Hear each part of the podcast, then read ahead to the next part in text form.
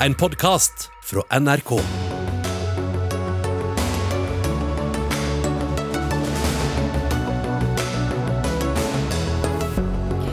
Nav er ikke egnet for å møte mennesker i livskrise, mener en som tidligere jobbet i Nav etter drapet på en Nav-ansatt i går. Renta skal opp, kanskje fire ganger det neste året. Det advarer LO mot, men NHO mener tiden er inne. En psykiater advarer mot at små barn kan få angst av å bo hos begge foreldrene etter samlivsbrudd. Utdatert holdning som rammer fedre, mener Foreningen To foreldre. Og politiet bør oppgi grunn hver gang de stopper noen på gata, foreslår Arbeiderpartiet. Vil hindre at minoritetsungdom stigmatiseres. Ingen grunn til å mistenkeliggjøre norsk politi, svarer Politiets Fellesforbund. Vel møtt til Dagsnytt 18, hvor vi også spør om Stortinget og statsministerens kontor kan ha brutt loven i sakene om politikernes pendlerboliger. I studio Sigrid Solund. En mann i 30-årene er varetektsfengslet for fire uker etter angrepet på Nav-kontoret på Danmarks plass i Bergen i går. Han er siktet for drap og grov, grov kroppsskade. En kvinne i slutten av 50-årene døde av knivskadene hun ble påført, mens en kvinne i 30-årene er lettere skadet. Hans Christian Holte, du er direktør i Nav, og du kommer rett fra Bergen, der du møtte de ansatte og ledelsen på dette kontoret. Fortell om det møtet dere hadde der. Det har vært et eh, sterkt møte eh, i Bergen i dag. Eh, nesten alle på dette kontoret, Nav Årstad, var samlet på et hotell i byen for samtaler, for å få tilbud om krisepsykiatri. Og rett og slett for å møtes og ta vare på hverandre. Så jeg er veldig takknemlig for at jeg også fikk eh, anledning til å komme bort der og være sammen med dem. På en veldig tung dag, selvsagt. Og hva var ditt budskap til dem du møtte der? Mitt budskap det var at eh, jeg virkelig føler med dem i denne dype, dype tragedien. Eh, og at eh, hele Nav eh, føler virkelig med de som har nærest berørt av denne saken.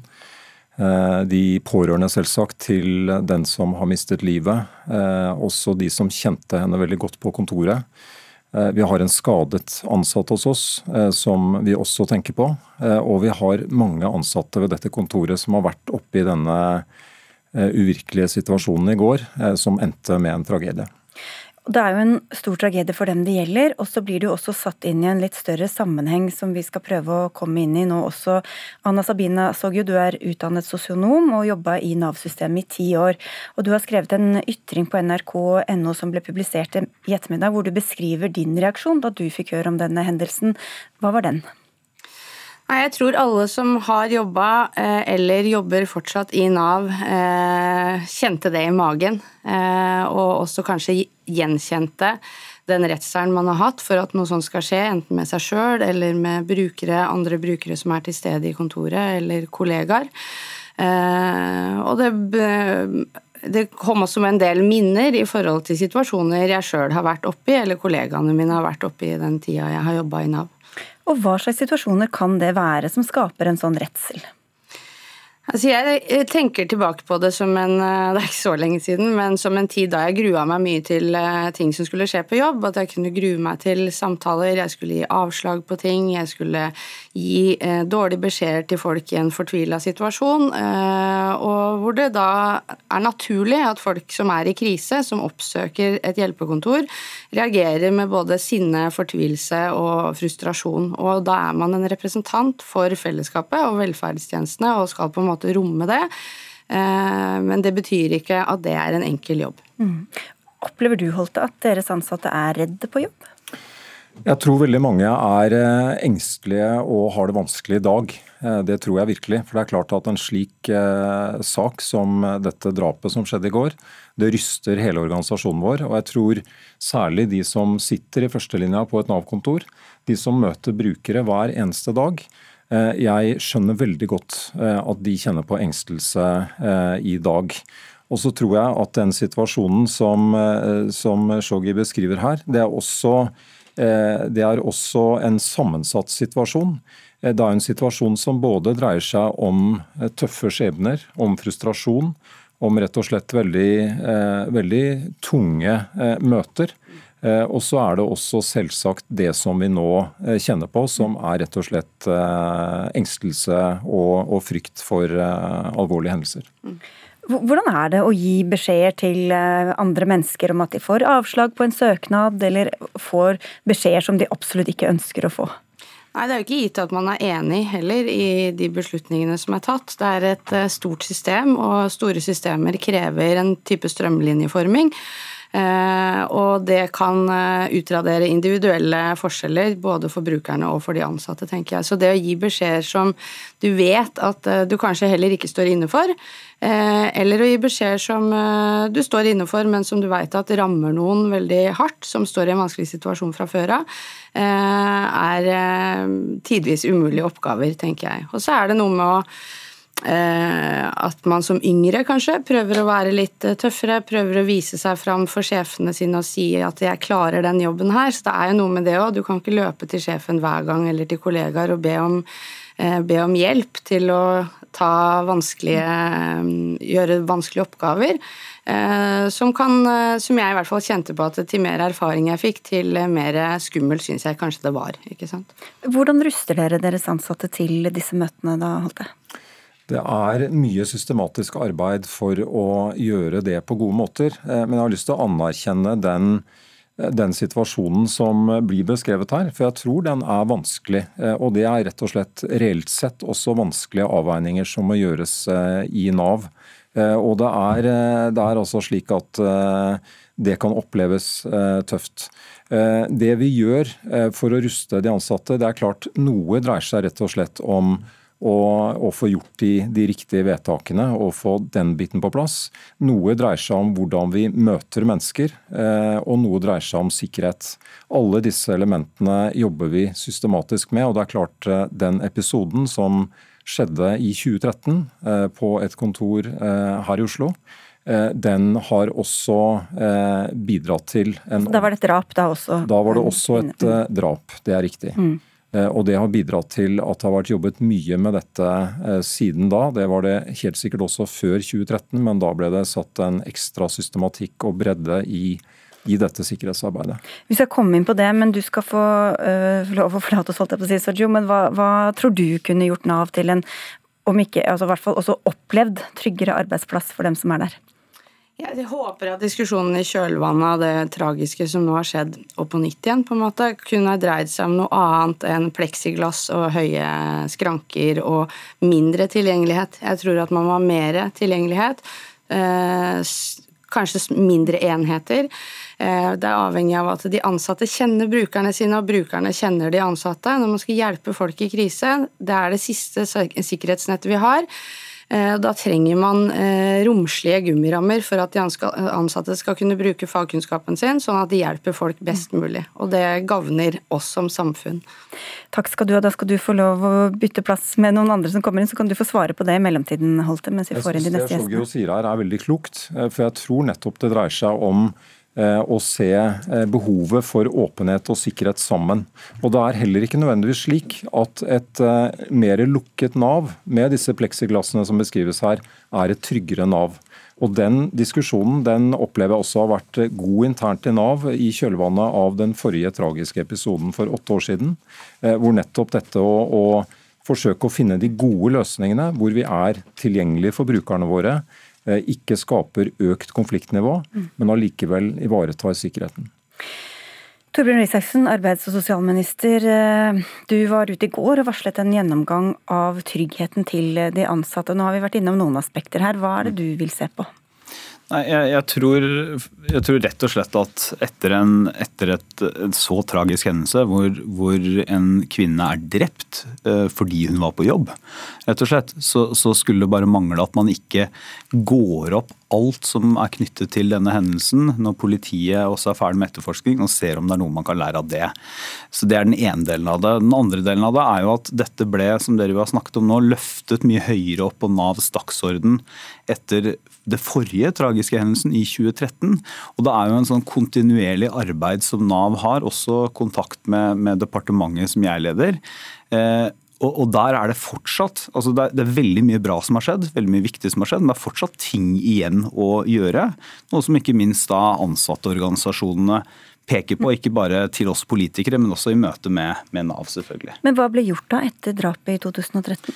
Altså, helt konkret så tok eh, daværende rød-grønne regjeringen de, de, de satte ned en arbeidsgruppe som, eh, som laget et omforent forslag til bl.a. minstestandarder for fysisk sikring, for å si det veldig enkelt. Og Det dreier seg om alt fra at du har møterom som, eh, hvor møbler er boltet fast, hvor det ikke er skarpe gjenstander, klare rutiner for hvordan du skal håndtere ekstra krevende brukere, Eh, trening for de ansatte i hvordan de skal gjøre det. At de, kontorene til de som sitter i førstelinja ikke er fritt tilgjengelige sånn at alle kan gå inn, men en viss form for inngangskontroll. Eh, og Det har også ikke bare blitt fulgt opp, men også blitt evaluert. Eh, og Evalueringen tyder på at dette har fungert bra, og at det har også økt tryggheten til de ansatte i Nav. Men fortsatt så er det jo, tror jeg for mange utenforstående, helt sjokkerende tall. Altså De som jobber i førstelinja i Nav, mange av dem lever med trusler, sjikane, hets. Vi så til og med noen eksempler i går på, eh, på sosiale medier etter denne tragiske saken. Eh, og det er jo egentlig helt uakseptabelt. Eh, men, men, man må jobbe systematisk for å redusere og minimere risikoen, rett og slett. Og Mange av disse er organisert hos deg, Mimmi Kisik. Du er leder i Fellesorganisasjonen. Du har også snakket med tillitsvalgte i, i Bergen og Nav Vestland. Hva var det de sa til deg? De eh, sa jo, som vi alle sammen sier, at dette er jo dypt tragisk. Og de er jo i en eh, alvorlig eh, krise. Eh, bekymra for seg sjøl og for hverandre. Eh, og, eh, men samtidig så sier det, når jeg møter dem, at de opplever at den omsorgen og omtanken som har blitt vist dem, både fra, fra, ledelse, både i Bergen og i Nav, men også fra omgivelsene, gjør dem godt i den situasjonen de er i. Så har vi hørt her at det har vært gjort et arbeid siden 2013, og at tallene peker i riktig retning. Stemmer det overens med det inntrykket dere har? Nei, Det vi er litt redd for i forhold til de tallene som man har operert med nå eh, de siste par dagene, det er at eh, vi har en underrapportering i de tallene. Eh, og det kan sikkert direktøren bekrefte. Fordi at jeg er redd for at vi ser bare de statlige tallene, og ikke de kommunale. Og det må vi få brakt på det reine. For det var en av de tingene vi gjorde etter eh, drapet på, på, på Grorud. Eh, vi jobba intenst for å få samordna rapportering eh, fra de to eh, linjene, både stat og, og, kommune. Så jeg tror vi er nødt til å forvisse oss om at vi har en komplett tallstørrelse. Jeg vet jo også at eh, NRK i Hordaland jobber jo eh, innbitt for å få tak også i de kommunale tallene, for å få lagt det sammen. Hva slags oversikt har dere holdt det? Jeg eh, har eh, ikke eh, veldig detaljkunnskap om akkurat eh, tallgrunnlaget som, som, dreier seg om stat og kommune, som Kvisvik påpeker. Men, men, det jeg kjenner til fra dette tallmaterialet, eh, og når vi ser på statistikken fra, fra 2013, da, hvor, hvor eh, også i tillegg til at det ble mer opplæring, disse fysiske tiltakene osv., og også ble bestemt at det skulle være en mye tettere eh, oppfølging, eh, så peker i hvert fall de i riktig retning. Mm. Og så er jeg helt åpen for å se på om de ikke er fullstendige nok. Så, men så tror jeg likevel at det at vi ser at både antall trusler går ned, antall voldshendelser generelt går ned, og også antall alvorlige voldshendelser. Men så er det klart, det som skjer i går, det, eh, det, slår i en helt annen retning og med et helt annet alvor. Men det er i hvert fall et bakteppe når vi ser på hva som har blitt gjort og hvilken effekt det har hatt. Det ble påpekt her, Kvisvik, at det må en, finne en balanse mellom åpenheten, som dere også ønsker, og sikkerheten. Hvor ligger den eh, balansen? Hva, hva må til da? Det er vanskelig å si at der ligger den balansen. For det, at eh, det vil jo også være avhengig av den samla risikovurdering eh, på det enkelte Nav-kontor. Norge er jo forskjellig. Det vi gjorde i forbindelse med oppfølginga etter drapet på, på Grorud, var jo også at vi jobba ganske systematisk på dette her med hva skulle vært til av eh, liksom, helt nødvendig av fysisk eh, sikkerhet, fysisk tilretteleggelse, og hva måtte være annen type tilretteleggelse. Og Vi sier at eh, den fysiske tilretteleggelsen må jo selvfølgelig være på, på plass i det omfanget man vurderer at risikoen tilsier at det skal være sånn eller slik. Eh, og så må man i tillegg eh, jobbe med alt det andre. Og Derfor sier vi jo at nå, også som eh, tidligere, så handler ikke denne saken kun om et system for å følge opp vold og trusler. Vi må også se helhetlig sett på hvordan Nav fungerer både for brukere og for ansatte. Og da er det jo sånn at uh, Torbjørn Isaksen, Nav-ansatte møter jo folk, uh, ikke bare, men ofte folk i krise, som, som uh, kan ha store problemer. Har da Nav nok ressurser til å kunne møte alle på en god nok måte, eventuelt være to når det trengs? Altså, hvis spørsmålet er om Nav også i årene fremover trenger mer penger, så er svaret på det ja. Eh, Nav kommer til å trenge mer penger også i årene som kommer. Men, men, eh, men jeg tror at eh, jeg er enig med Kvisvik og FO i at dette, dette handler ikke bare om de fysiske sikringene på Nav-kontoret. Det handler også om hvordan Nav jobber, selvfølgelig, men det handler også om en større samfunnsdiskusjon. For det er nettopp som du sier, programleder, så er det sånn at Nav møter mange mennesker i ekstremt vanskelige situasjoner. Man møter et tverrsnitt av den norske befolkningen. Man møter også folk som er syke, som har psykiske lidelser. Man kan møte folk som har traumer, altså masse bagasje. Og man møter dem i det som av og til kan bli spissa situasjoner. Og det er jo ikke fordi at Nav-ansatte ønsker det, det er fordi at Nav-ansatte også forvalter et regelverk som vi som politikere har bestemt skal være sånn. Det er viktig å si, selv om de utøver profesjonelt skjønn også. Og det betyr at eh, et, som et generelt poeng, vi vet ikke nok om denne konkrete saken ennå, men uh, som et generelt poeng så betyr det at også diskusjonen om hvordan er koblingen mellom Nav og helsevesen, Eh, hvordan samarbeider man eh, om, om, psykiatriske pasienter, eller pasienter som kanskje burde være i behandlingsløp? Hvordan tar vi imot mennesker og får kartlagt og sørge for at folk som kommer til Norge får oppfølgingen de trenger? En rekke sånne spørsmål. Eh, hvordan deler vi informasjon om mennesker som har droppet ut av skolen, kanskje hatt aggressiv atferd der? Det mener jeg også er en del av den større oppfølgingen eh, her. Men Det sier jo noe om eh, statsråd, at eh, vi er ganske på linje med at vi, vi trenger en helhetlig gjennomgang. og Jeg vil jo håpe at du overlever det sammen med nøkkelkortet ditt om noen uker. Eh, og når vi sier helhetlig gjennomgang, så handler det om å se systematisk på alt dette her. For det er ikke én faktor som gjør at situasjonen i Nav er som den er. Eh, og vi har helt siden EØS-høringa på Stortinget sagt veldig tydelig vi trenger en helhetlig gjennomgang. Vi trenger å rykke tilbake og se hvilke utfordringer er det som gjør at ting er som de er. Både i forhold til kritikk av tjenester og eh, knytta til den arbeidssituasjonen som folk opplever at de har. Da kan det hende at det kommer en sånn gjennomgang da, i mellomtiden. Hans Christian Holte, hvor god tid og hvor god bemanning opplever dere i Nav at deres ansatte har til å komme folk i møte, bruke nok tid, vise forståelse og medmenneskelighet?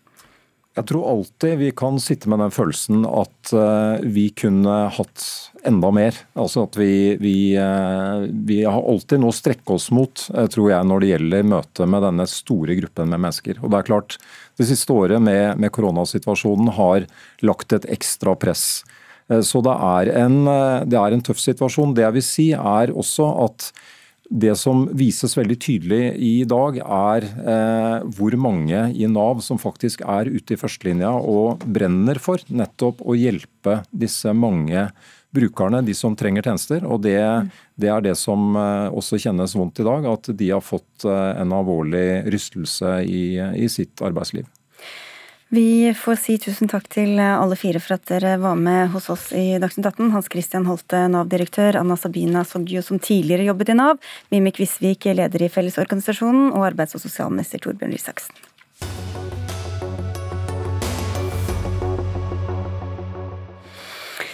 Er du en av dem som har kjøpt ny leilighet, byttet bil, pusset opp og sett gjelda bygge seg opp, men tenkt at det går jo bra, for renta er så latterlig lav.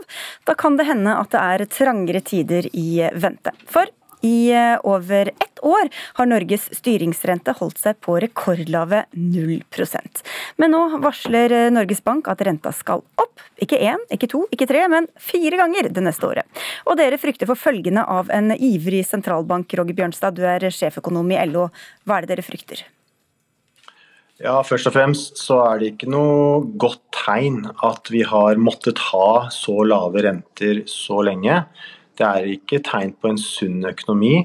Det er ikke, eh, det er ikke godt tegn eh, at vi har måttet bruke renta så aktivt for å stimulere økonomien. Og vi bør ikke ha lave renter eller null renter for lenge.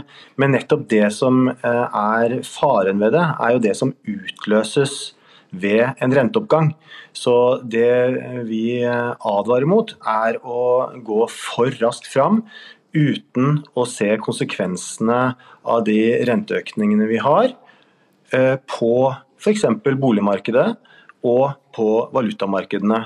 For eh, folk har eh, tilpasset seg nå et lavt rentenivå over rekordlang tid og gjort seg sårbare for renteøkning. Så vi må høste erfaring av hvordan økonomien og valutamarkedene reagerer på renteøkning før vi går for raskt fram. Så holde igjen litt er din eh, bønn til eh, sentralbanksjefen? Ja, gå mm. forsiktig fram i små skritt. Høst erfaring av hvilke konsekvenser det har på boligmarkedet og på valutamarkedene. Eh, og vi vet at disse markedene har en tendens til å overreagere og det vil skade norsk økonomi i neste omgang. Mm. Øystein Dørum, sjeføkonom i NHO. Bør de holde igjen av hensyn bl.a. til alle gjeldsslavene der ute? Uh, nei, i hvert fall ikke av hensyn til det. Altså, de har varslet eh, seks-sju rentehevinger ut 2023. Uh, det er en gradvis forsiktig renteopptrapping. Jeg er helt overbevist om at hvis det viser seg at krona skulle reagere veldig sterkt på de renteøkningene, hvilket i seg selv er litt rart når det er varslet allerede. Eller at boligmarkedet skulle lapse og det skulle dra med seg resten av økonomien, så vil de ganske sikkert endre kurs, for ingen av delene vil være deres, på deres ønskeliste, for å si det sånn. Så, så det, slik jeg leser Norges Banks varsel fra juni, og som antagelig gjentas nå når vi kommer til septembermøtet, eh, så er det skritt i retning av en normalisering, fordi norsk økonomi ikke lenger trenger så lave renter. Bjørnstad, alle som har eh, lyttet har kunnet høre at renta kom til å stige. Hvorfor skal man ta hensyn til dem som ikke har tatt høyde for det? Sånn er nå en gang eh, folk, og sånn er nå en gang kapitalmarkedene også faktisk, eh, Øystein. At uh, noen ganger så må man vente på at det faktisk skjer for at reaksjonen skal komme. Og når reaksjonen kommer, så har det en tendens til å bli overdrevet. Og jeg bare sier at det er viktig å høste erfaring av effekten av disse renteøkningene. Uh, fordi Norge har aldri opplevd en så lang periode med så lave renter. Eh, for at folk har tilpassa dette rentenivået over så lang tid, så er det nettopp den erfaringen vi må eh, få før vi eh, går for raskt fram. Og dette er ikke noen kritikk av den rentebanen som ligger inne. Eh, jeg syns det virker fornuftig ut fra de økonomiske utsiktene, men eh, vi er også nødt til å være ekstra varsomme og ta ekstra eh, lærdom av effekten av disse renteøkningene. Og til den menneskelige faktor, Dørum, da? Ja, til den menneskelige faktor. Hvis bankene har gjort jobben sin, så skal alle som har tatt opp lån de siste årene, de skal ha fått beskjed om at de skal tåle 5 prosentenetter høyere rente. Eh, så, og de skal ha blitt fortalt at dette er et ekstraordinært lavt eh, rentenivå. Det utelukker selvfølgelig ikke at en del, særlig unge, særlig nyetablerte, vil oppleve en veldig sterk økning i lånekostnadene sine. Kanskje en dobling med den rentebanen som nå er skissert, og at det vil smerte. Men vi skal også huske på at eh, mange av de som nå står på terskelen til å komme inn i boligmarkedet, på ingen måte har noe interesse av at rentene holdes lave og blåser boligprisene ytterligere opp og blåser egenkapitalen deres motsatt vei. Så nå, eh, når jeg hører på Roger, så høres det nesten ut som eh, Bjørnstad, unnskyld. Så høres det nesten ut som blir for personlig. Så høres det nesten ut som sentralbanken har malt seg inn i et hjørne. Og, det, og, og, og der Bjørstad startet, nemlig med, med at vi har, vi har, veldig veldig lave renter, og det er ikke noe sunnhetstegn, så burde vi egentlig applaudere at vi er kommet til det punktet hvor rentene nå kan settes opp igjen. Mm, Bjørn, eh, Bjørnstad. Ikke, eller Roger, da. jo, begge deler. Han lyder begge navn. Jeg er glad for at vi endelig har en økonomi som eh, tillater eh, renteøkninger. Men det er av hensyn til bedriftene og arbeidsplassene Øystein, at vi er nødt til å være ekstra varsomme. Og jeg mener det ikke holder med å vente vente på reaksjonen. Vi må faktisk uh, høste erfaringene mens vi går framover. Men, men, til det han sier her, at det er jo ganske strenge regler når du tar opp lån bl.a. Da skal både banken og låntaker ta høyde for at renta kommer til å gå opp. Tror du ikke at bankene har gjort jobben sin her? Jo, men den type si, forventningsøkonomi den har vi lagt bak oss eh, for lenge siden. Vi vet at uh, lommeboka teller. Og Én uh, ting er at husholdningene kan ta høyde for renteøkning, men hva gjør de da? Jo, da strammer de inn på andre kjøp av varer og tjenester. Der hvor bedriftene til Øystein er, der hvor arbeidsplassene er. Så det er ikke det at husholdningene tviler på at de har råd til det men de eh, kommer til å spare inn på andre områder som rammer bedriftene og rammer arbeidsplassene. Og Hvordan er det bra for norsk økonomi, Dørum? Nei, altså, jeg vil, jeg vil, fortsatt fastholde at det er selvfølgelig noen uh, unge nyetablerte som kommer til å merke dette ganske godt. Men husholdningssektoren som helhet den sparte noe sånt som godt over 100 milliarder kroner ekstra i fjor, fordi inntektene ble opprettholdt og det var my mye mindre å bruke penger på. Så de langt fleste av oss har reserver som tåler dette veldig godt. Og diskusjonen blant økonomer nå er jo hvor sterk forbruksveksten blir neste år, fordi vi har dette svære spareberget som vi delvis skal, skal svi av. Norges Bank sa 10 eh, forbruksvekst neste år i, i juni.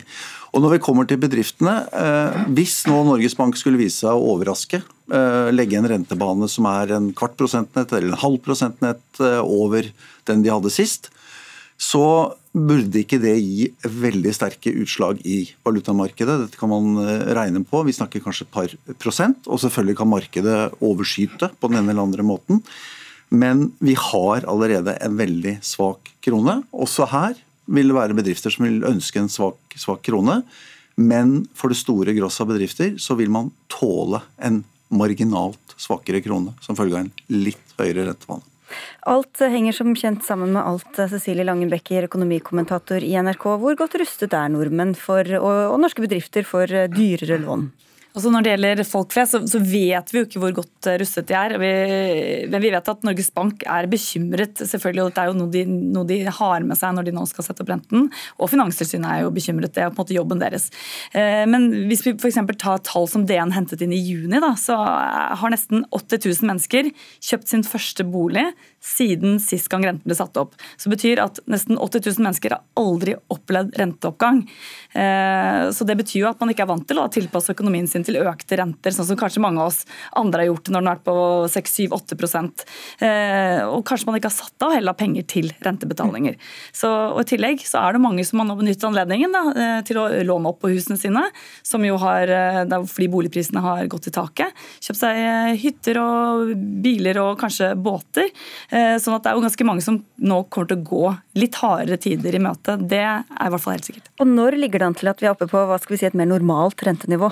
Ja, så er det spørsmålet Hva er et normalt rentenivå? Eh, for en del år siden så var det kanskje på 5-6% Nå er det kanskje normalt eh, mer på 3-4% Vi er fortsatt et veldig langt unna et normalt rentenivå. Vi snakker 4-5 rentehevinger her. Da er vi på drøye prosenten. Et boliglån på kanskje opp mot 3 eh, i boliglånsrente. Det er ikke fryktelig mye, og som Øystein også er inne på, unnskyld Dørum, så, så, så, bør, så bør de fleste kunne tåle det.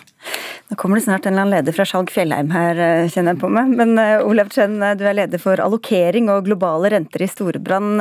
Det er et annet rentemøte som skal skje i morgen i USA, verdens største økonomi. Hva tror du skjer der? Der skjer det fint lite med tanke på renteendring. Det som man vurderer å gjøre der, er å annonsere at de skal lette litt på gasspedalen i forhold til det vi kaller kvantitative lettelser. Eh, kort fortalt eh, pengetrykking, rett og slett.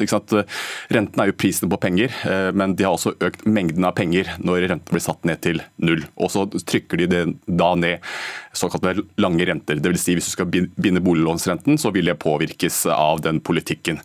Og det vi venter er at de skal annonsere, at de skal annonsere i november at de skal Eh, trappe ned de 120 milliardene hver eneste måned som de trykker eh, fra intet, faktisk. Og For å på en måte eh, dra det litt til relevansen til tidligere her. Den pengepolitikken vil jeg si er grensen til galskap. ikke sant? Og har ført til det jeg kaller økende ulikhet. fordi de pengene har bare gått til inn i formuespriser. Aksjer, eiendom, bolig. Eh, alt som man kan ta eh, og investere i. og Det har ført til, ført til økende ulikhet. Så Jeg er helt enig med Øysteins argument her, at eh, fra et boligmarkedsståsted så ønsker faktisk de som ikke har noe boligmasse, eller de som skal inn i boligmarkedet, gjerne at rentene øker noe og demper boligmarkedet ytterligere. Og det som skjer i USA, hva kan det få å si for oss, Bekker? Det er som Chen er inne på her, nå, nå, trekker man da tilbake eventuelt da, veldig mye sånn risikovillig kapital som er i markedene. og Det vil da selvfølgelig føre til at uh, børsen i USA uh, kan svekke seg. og Det vet vi jo uh, gang, det har vi sett gang på gang tidligere også, at det kommer til å svekke børsen her hjemme også. Så vet vi også at når det er økt uro i markedene, så vet vi også at kronekursen pleier å, å svekke seg. sånn at det, vi kommer til å merke det også i de hjemlige markedene dersom det da kommer et stort fall i USA. Men det er et annet land vi har hørt mer fra de siste døgnene, nemlig Kina, verdens nest største økonomi, hvor et veldig viktig selskap står i fare for å kollapse. Hvordan er utviklingen der nå, Chen? Det har roet seg litt bare de siste 24 timene, eh, men det er nok ikke over med tanke på eh, usikkerheten som det har eh, skapt. Det har jo skapt ringvirkning over de globale finansmarkedene. Noen spekulerer faktisk i at dette her kan avspore renteutsiktene til amerikanske sentralbanken, kanskje også til og med Norges Bank. Jeg tror ikke det. Foreløpig så ser det nok mer ut som et, isolert tilfelle, begrenset relativt til Eh, Kina. Eh, men skulle på en måte ringvirkningene være større, eh, flere skjeletter kommer ut av skapet, flere som må ta tap, slik at det fører til kanskje at flere banker går over den også, så kan det jo få større ringvirkninger og også påvirke den globale økonomien og etterspørselen. Men jeg tror ikke at vi er der ennå. Men hva har om noe kinesiske myndigheter sagt eller signalisert om hvordan de vil håndtere dette?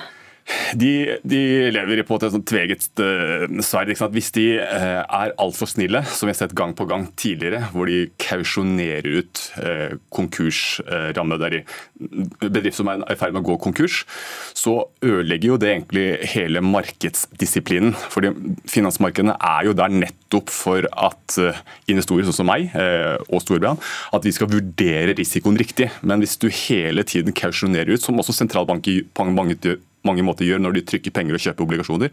Men hvis staten Kina da, eh, gjør det, så eh, ødelegger det hele den markedsmekanismen. Og det fører jo til overstadig over mm, høy risikotagning fremover.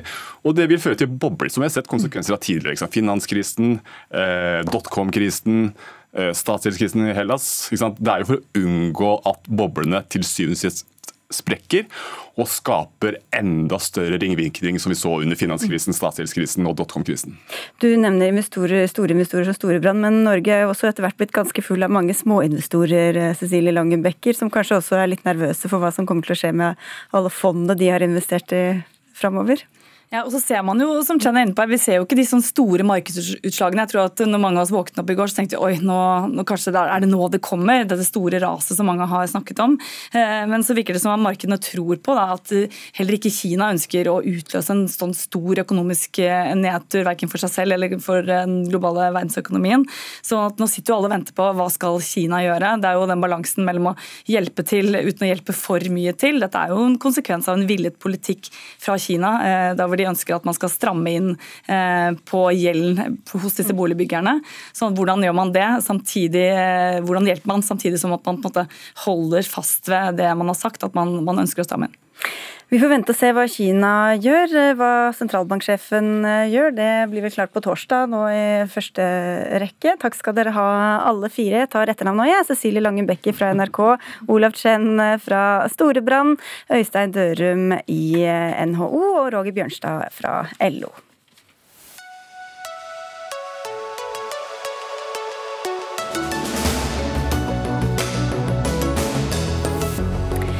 Du hører eller ser på Dagsnytt 18, eh, og nå i ettermiddag kommer det meldinger om at Stortinget iverksetter full skatterevisjon av stortingsrepresentantenes ordninger. Vi skal snart snakke med to jurister om politikere og skatt. Men først, hvorfor blir så mange ungdommer med minoritetsbakgrunn stanset og sjekket av politiet? Er det fordi det er gode grunner til det, eller skyldes det fordommer og stereotypier? Ifølge forskning fra 2019 blir gutter med minoritetsbakgrunn oftere stanset enn andre, uten at de får noen god forklaring på hvorfor. Nå vil Arbeiderpartiet i Oslo gjøre noe med det, og lansere et forslag i Aftenposten. Kamzy Gunaratnam, du er varaordfører i Oslo og er på vei inn til Stortinget. Hva går dette forslaget ut på? Altså, det er jo ikke et nytt forslag, det er et gammelt forslag fremmet av OMOD, eh, Organisasjonen mot offentlig diskriminering, i sin tid. Eh, Raimond har allerede sendt søknad til staten om at vi blir prøve... Raimond Johansen. Raimond Johansen, ja. Beklager, man blir litt sånn eh, på fornavn her. Så Byrådslederen i Oslo har sendt søknad til staten om at vi prøver oss på en kvitteringsordning. Så det er da Det betyr at du kan ikke stoppe folk tilfeldig uten at det blir registrert, og at vedkommende også får en bekreftelse på hvem som stoppa deg, hvor du ble stoppa, eh, hva slags bakgrunn du har, at det også blir registrert, eh, men også eh, hva var mistanken for å bli stoppet. Og Hvordan skal det hjelpe på noen ting? Det, greia nå er jo, altså Du nevner tall, men jeg merker jo at dette har vært en snakkis i mange mange, mange år. Har også brødre sjøl som er mørke i huden. Familiemedlemmer, venner, kollegaer som er mørke i huden, og som opplever da å bli stoppet ganske tilfeldig. og uten mening uten en forklaring, ordentlig forklaring på hvorfor man blir stoppa. Over tid vil dette bidra til både dårlig rykte for politiet, eh, noe vi alle ønsker ikke skal skje, eh, men også mistillit til politiet. Så dette er et ønske om å forebygge et eventuelt mistillit og bygge opp tillit også. Sigve Bolstad, leder i Politiets Fellesforbund. En kvitteringsordning, hva sier du til det? Nei, I utgangspunktet så er vi negative til en kvitteringsordning. Eh, men jeg er veldig enig med, med avslutninga Kamzy, nemlig det som går på at norsk politi er helt avhengig av en høy tillit for å kunne gjøre jobben. Vårt utgangspunkt er at vi har et av verdens beste politi. Eh, vi har en treårig bachelorutdanning med et veldig bredt eh, fagfelt. Og så mener vi at tillit eh, det skapes i relasjon med folk. Eh, den dialogen og det forebyggende som ligger der. altså Dialogsporet er det som er viktig. Eh, hvis man begynner med en egen sånn kvitteringsordning, så kan fort det bli en konkurrent til den tillitsbygginga og den tilstedeværelsen som norsk politi skal ha ute blant, blant folk. Og så er jeg litt sånn i tvil om om, om, jeg skal ikke si om det ligger en mistillit til, til norsk politi, det, det, det, det, anklager jeg ikke Oslo Arbeiderparti for eller Kamzy for på, på, noen måter. Men, men, men, men det, kan fort bli en sånn, det kan fort bli en liten sånn konkurrent eh, til den trygghetsskapende eh, dialogen som skal være.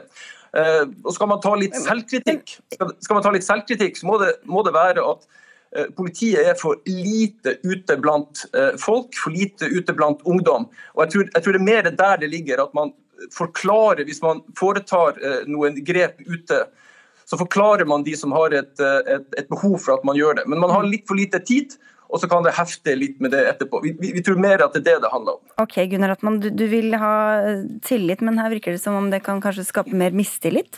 Men mistilliten er der jo. Eh, ikke fra meg, kanskje ikke fra majoritetsbefolkningen. Men politiet skal, må også tenke på den delen av befolkningen som kanskje også trenger det mest. Så når vi opplever det slik, og du har vist i fakta allerede, Erna Solberg sier det rett ut, vår avtroppende statsminister, det skjer etnisk profilering i samfunnet vårt i Norge. Eh, og da mener jeg vi må ta det på alvor. Så høres høres ut som jeg og Sigve vil det samme. Vi vil at politiet skal nyte høyt eh, respekt og tillit. Men i dag så finnes ikke den tilliten blant veldig mange ungdom, og da særlig veldig mange minoritetsungdom. Og Det burde bety noe, og da må vi forsøke oss på en forsøksordning. Hva er det som er negativt, Bolstad? Altså, du sa det kunne konkurrere, men hva ellers er det som er så vanskelig med bare å oppgi en grunn til hvorfor noen blir eh, stoppa på gata? Det er ingen problem med å oppgi en grunn, det syns jeg norsk politi bør gjøre. Man bør få en, en, begrunnelse på hvorfor man gjør som man gjør, hvis ikke de opplysningene er taushetsbelagt. Det, det, er en del ting som man ikke kan eh, oppgi. Eh, men i det alt vesentlige så bør man ha, ta seg tid og forklare eh, hvorfor det. Det, det, som fort kan bli her, det er at det blir veldig sånn ressurskrevende. At man skal liksom ha en kvitteringsordning der der det er den kvitteringa og det skriftlige og det materiale og det er litt sånn, litt sånn opptelling eh, som blir fokus eh, framfor dialogsporet. F.eks. Oslo-politiet gjør en glimrende jobb i forhold til det som går på dialogsporet. Man er ute, man driver med opplæring, man har et eget treningsopplegg i samarbeid med både minoritetsorganisasjoner og ressurspersoner med minoritetsbakgrunn. Så, og, men, men, ting tar litt, eh, tar litt, tid. Så at det er et fokus på dette, syns vi er, er veldig bra. Men vi mm. tror som sagt ikke at en kvitteringsordning er det som endrer litt eh, på, på eh, det som Kamzy er inne på her, nemlig det som går på, på, på, tilliten. Så la oss komme ut, vær blant folk. Det er dere sikkert enige om. Arbeiderpartiet sørger for at vi får mer operativt politi ute i gatene. Ja, ja, nå løftene sitter langt inne akkurat nå. De har sittet høyt lenge, men akkurat nå så tror jeg de sitter litt lenger inne.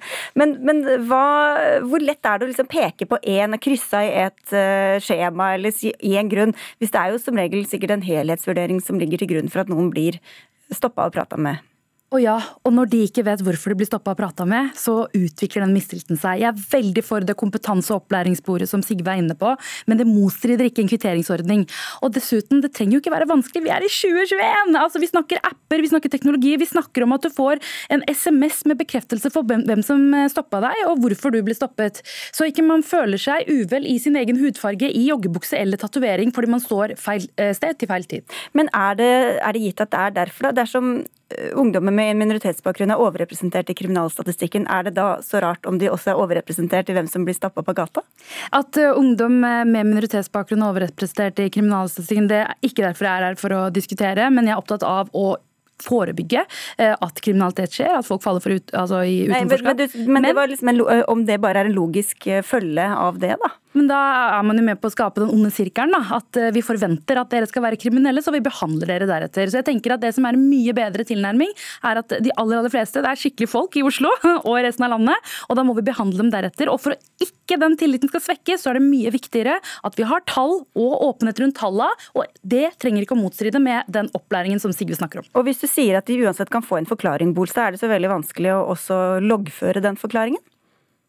Altså, jeg er litt sånn i tvil om hvordan den skal være og hvordan den skal eh, følges opp. Eh, jeg registrerer at vi har det samme målet, eh, men det er virkemidlet som vi er noe uenige om.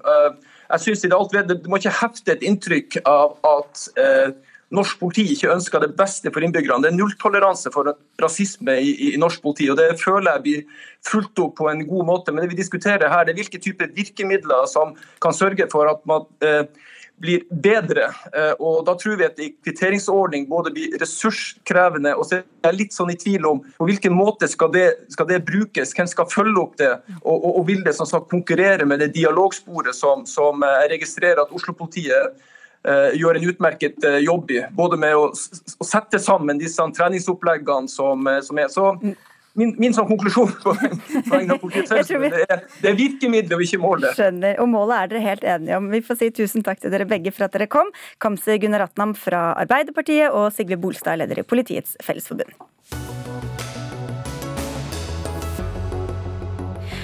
Ja, nå I ettermiddag kommer det meldinger om at Stortinget iverksetter full skatterevisjon av stortingsrepresentantenes ordninger, og flere politikere risikerer tilleggsskatt etter dette rotet med pendlerboliger for stortingspolitikere og statsråder som alle vel har fått med seg. Kjell Ingolf Ropstad gikk av som statsråd i går fordi han hadde latt være å skatte av den fordelen det var å ha gratis pendlerbolig i Oslo. Også en del stortingspolitikere risikerer tilleggsskatt etter tilsvarende saker. Bettina Bonon, du har skrevet en doktorgrad om omgåelse av skattereglene. Det er jo Stortinget som har vedtatt skattereglene. Hvor komplisert er det egentlig? Egentlig er reglene ganske klare. At eh, bolig er en privatutgift. Så du kan, men hvis du har to boliger, eh, så eh, har du en merutgift pga. at du, hvis du jobber i et annet sted. Da kan du få fradrag, og da kan også arbeidsgiveren din ta og dekke den kostnaden. Så det er på en måte kjernen. de som har fått dette uten hatt utgifter, de har ikke rett til å få det skattefritt.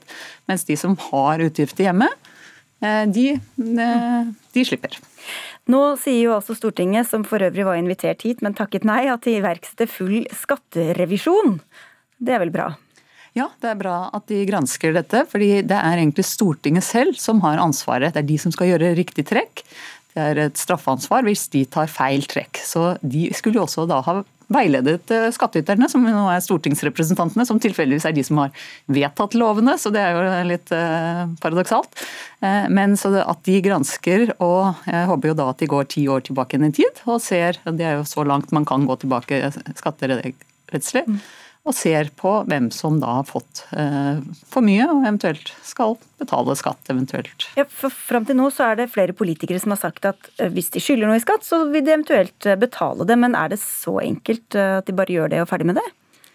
Eh, de må betale skatten, og så må Stortinget betale arbeidsgiveravgift. Eh, også I tillegg så vil jo det oppstå spørsmål om tilleggsskatt og tilleggsavgift. Og da er det 20 hvis det er liksom vanlig feil, og kan være høyere hvis man mener det er grovt uaktsomt. Arvid Ågesgaard, du er professor emeritus ved Juridisk fakultet på Universitetet i Oslo. Og du har snakket med VG, som skriver at eh, både Stortinget og statsministerens kontor kan ha brutt loven, ifølge deg. Hva kan de ha gjort eller har gjort som kanskje er et lovbrudd? Jo, de har eh, unnlatt å innrapportere ytelser som skulle vært innrapportert, og som er skattepliktige for, eh, for mottakeren. Slik at hvis det er slik, som mange tror, at de ikke har fått eh, et klarsignal fra Unnskyld, et klarsignal fra eh, Skattedirektoratet om at dette er greit. De, vi hevder jo at de har fått, fått beskjed om at det er greit å ikke trekke. Men hvis det ikke er tilfellet, så er det et brudd på skattebetalingsloven og på på folketrygdloven og på skatteforvaltningsloven. Og De lovene er jo selvfølgelig vedtatt av Stortinget. slik at det er Stortinget som på en måte bryter regler som Stortinget som lovgiver har eh, fastsatt eller bestemt. Og Man kan ikke straffe Stortinget for det, fordi Stortinget er jo lovgivende myndighet. og Jeg tror ikke man kan straffeforfølge Stortinget for at de ikke følger sine egne lover. Men det er et sidespor. Det, er, det har ikke noe med saken å gjøre. Det er en plikt å foreta disse trekkene hvis det er skatteplikt.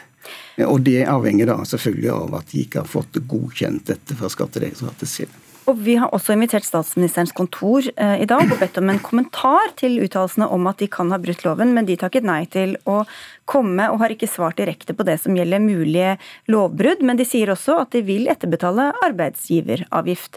Er da saken ute av verden for deres del, Bono? Nei, og, og både, Stortinget og, og, statsministerens kontor må betale arbeidsgiveravgift dersom eh, det er noen som har fått en ytelse som skulle vært skattepliktig. Og, og, det vil jo da også være tema å få tilleggsavgift på det. Så man kan ikke liksom bare peke på de som har fått fordelene og si de må rydde opp. Det er også eh, på samme måte som hvis jeg har en au pair, så må jeg trekke Eh, innrapportere fordelen av fri bolig. Eh, og hvis, ikke, hvis, jeg ikke gjør det, så er jeg ansvarlig for skatten, og jeg kan få tillegg, tilleggsavgift også. Og Det er jo tilsvarende for de som har utbetalt til stortingsrepresentanter og statsråd. Så er det litt spesielt akkurat med Ropstads, uten at jeg skal gå inn der, for der har det jo også vært noen uklare opplysninger. Mm. Og der har det vært direkte dialog med skatteetaten. Og da skal det nok mer til med type tilleggsskatt. Ja, for det skriver SMK, altså statsministerens kontor, også til oss, at de tok kontakt med skatteetaten i 2020 for å være sikre på at de forsto regelverket riktig, men at sitat, denne kontakten førte dessverre til at SMK tolket regelverket feil. Hvem er det som er ansvarlig for at denne kommunikasjonen tydeligvis mildt sagt ikke har vært helt optimal? Eh, vel, altså Selvfølgelig kan det jo tenkes at uh, skattemyndighetene har uttalt seg så uklart og diffust at uh, SMK med god grunn har tolket dette galt. Men foreløpig så har ikke jeg sett hvilken uttalelse det dreier seg om som de har tolket feil. Og hvis, hvis de var litt i tvil, så spør man en gang til. Da tar man kontakt på nytt for å finne ut hva som er riktig. og Særlig gjør man det hvis man sitter så høyt oppe som Stortinget og SMK gjør. For da har man et eget, en, en særlig interesse i å overholde disse pliktene. For det er jo litt spesielt at det er akkurat disse institusjonene som er i, i hardt vær. Hvem er det som får regninga til slutt, da? Dersom det blir straffeskatt og straffe eh, masse utgifter for, for, SMK eller for Stortinget? Nei, i og med at de er staten, så blir det jo skattebetalerne som betaler det, hvis ikke det er den som har fått ytelsen som må dekke det. Så, så det, er, det, er, på en måte ikke vanligvis tilfredsstillende at det er arbeidsgiver som dekker det. At, da vil man jo da ha påse at det vil være eh, den som har fått den ytelsen. Så hvis de får Da blir alt blir opp til oss uansett å betale, da? Det blir vel den enkelte stortingsrepresentant kommer nok til å betale dette selv. Hvis det var en bedrift, da, hva hadde skjedd da? Altså, En bedrift vil jo komme i en helt annen situasjon enn eh, f.eks. Stortinget, da, fordi de vil risikere straffansvar. Eh, og solide sanksjoner da, mot, grunn av slike ting. Ehm, og da vil det jo kunne tenkes at bedriften må betale. At den enkelte skattyter slipper, og bedriften må betale.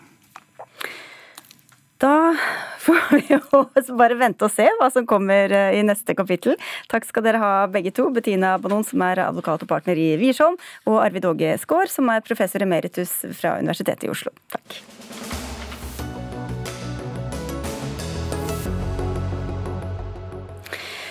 Før var det gjerne sånn at når et par skilte seg, fikk mor ansvaret for barna, for, som så kom på besøk til far noen helger og kanskje en og annen ukedag.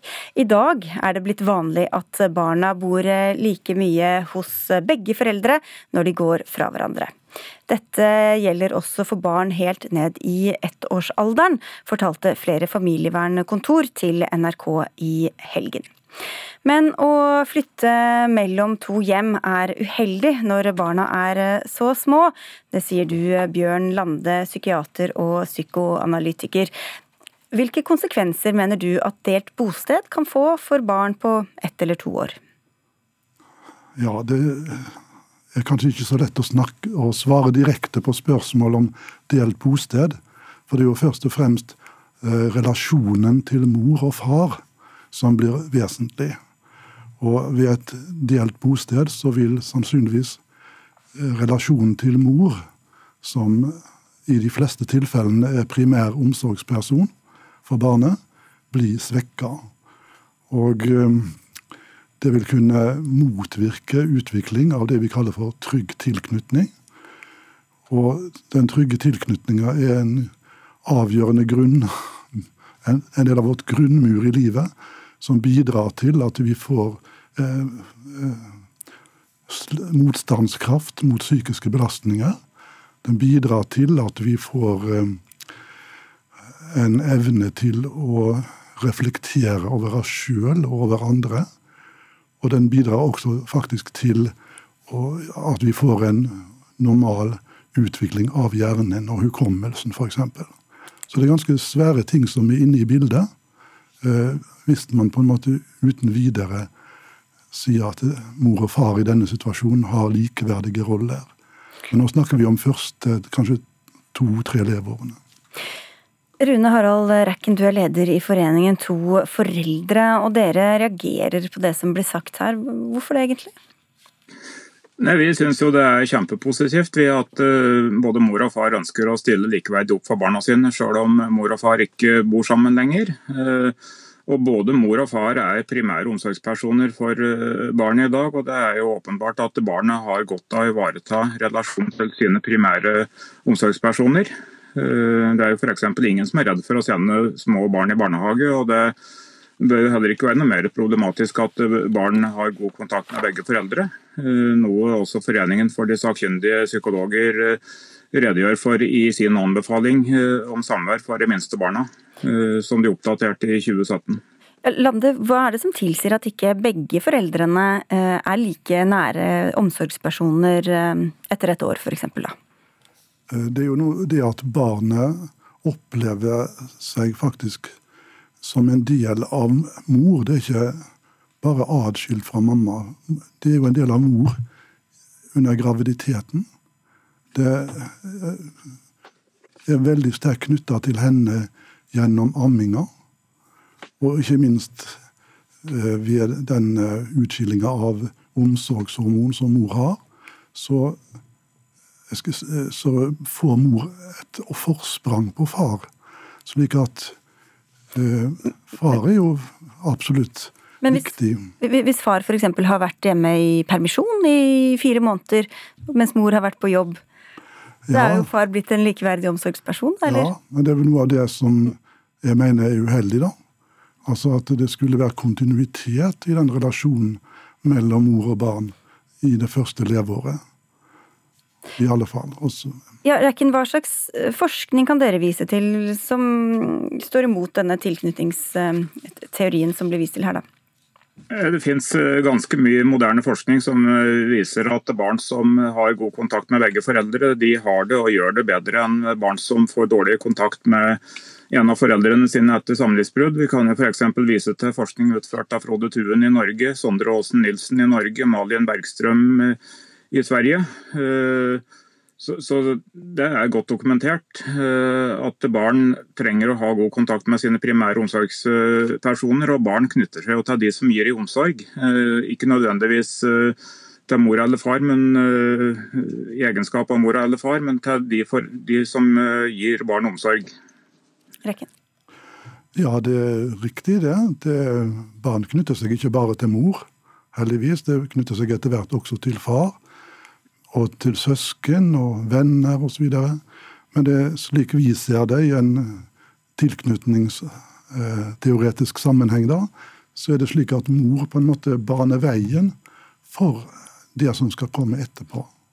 Slik at eh, en, en trygg tilknytning til mor gjør at far også lettere får en trygg tilknytning i neste omgang. Men, men, er det forskning som viser at de som har hatt delt bosted fra de er ett og et halvt år f.eks., at de er mer utrygge enn andre barn? At de knytter seg vanskeligere til andre mennesker?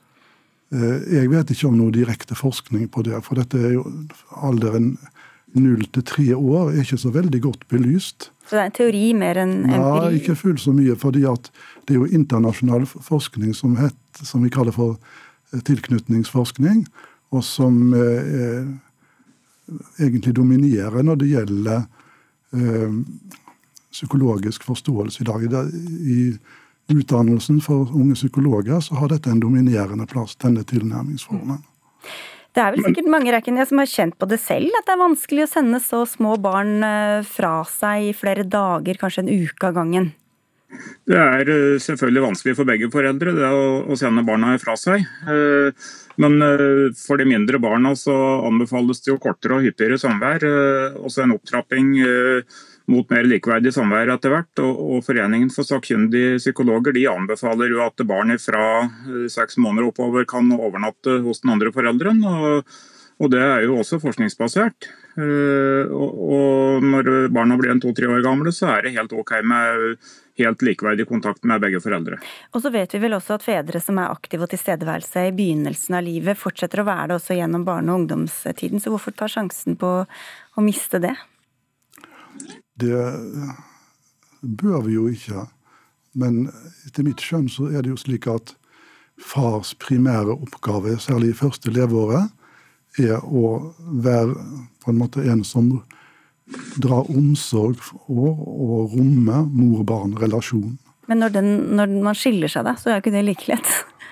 Nei, det er nok ikke like lett. Men jeg tenker man da? At man kan ikke uten videre forutsette at vesle barnet skjønner det bruddet. Det, da må man ta konsekvensen av at man har fått et barn, og at man har latt den ene være primær omsorgsperson, og så sørge for at den andre er på banen hele tiden. Du får ti sekunder på slutten, Rekken. Ja. Ja, Det er et resonnement jeg er fullstendig uenig i. for det er Både mor og far har selvstendige omsorgsroller i forhold til barnet sitt. Det, det har de fra dag én. Resten av debatten får fortsette i tusen hjem. Takk skal dere ha, begge to, psykiater og psykoanalytiker Bjørn Lande og Rune Harald Rekken, som er leder i foreningen To foreldre. Denne Dagsnytt 18-sendinga er ved veis ende. Vi er tilbake i morgen klokka 18, da med Sverre Tom Radøy. Ansvarlig for sendinga Gro Arneberg, teknisk ansvarlig Hanne Lunås, og jeg heter Sigrid Solund. Du har hørt en podkast fra NRK. Hør flere podkaster og din favorittkanal i appen NRK Radio.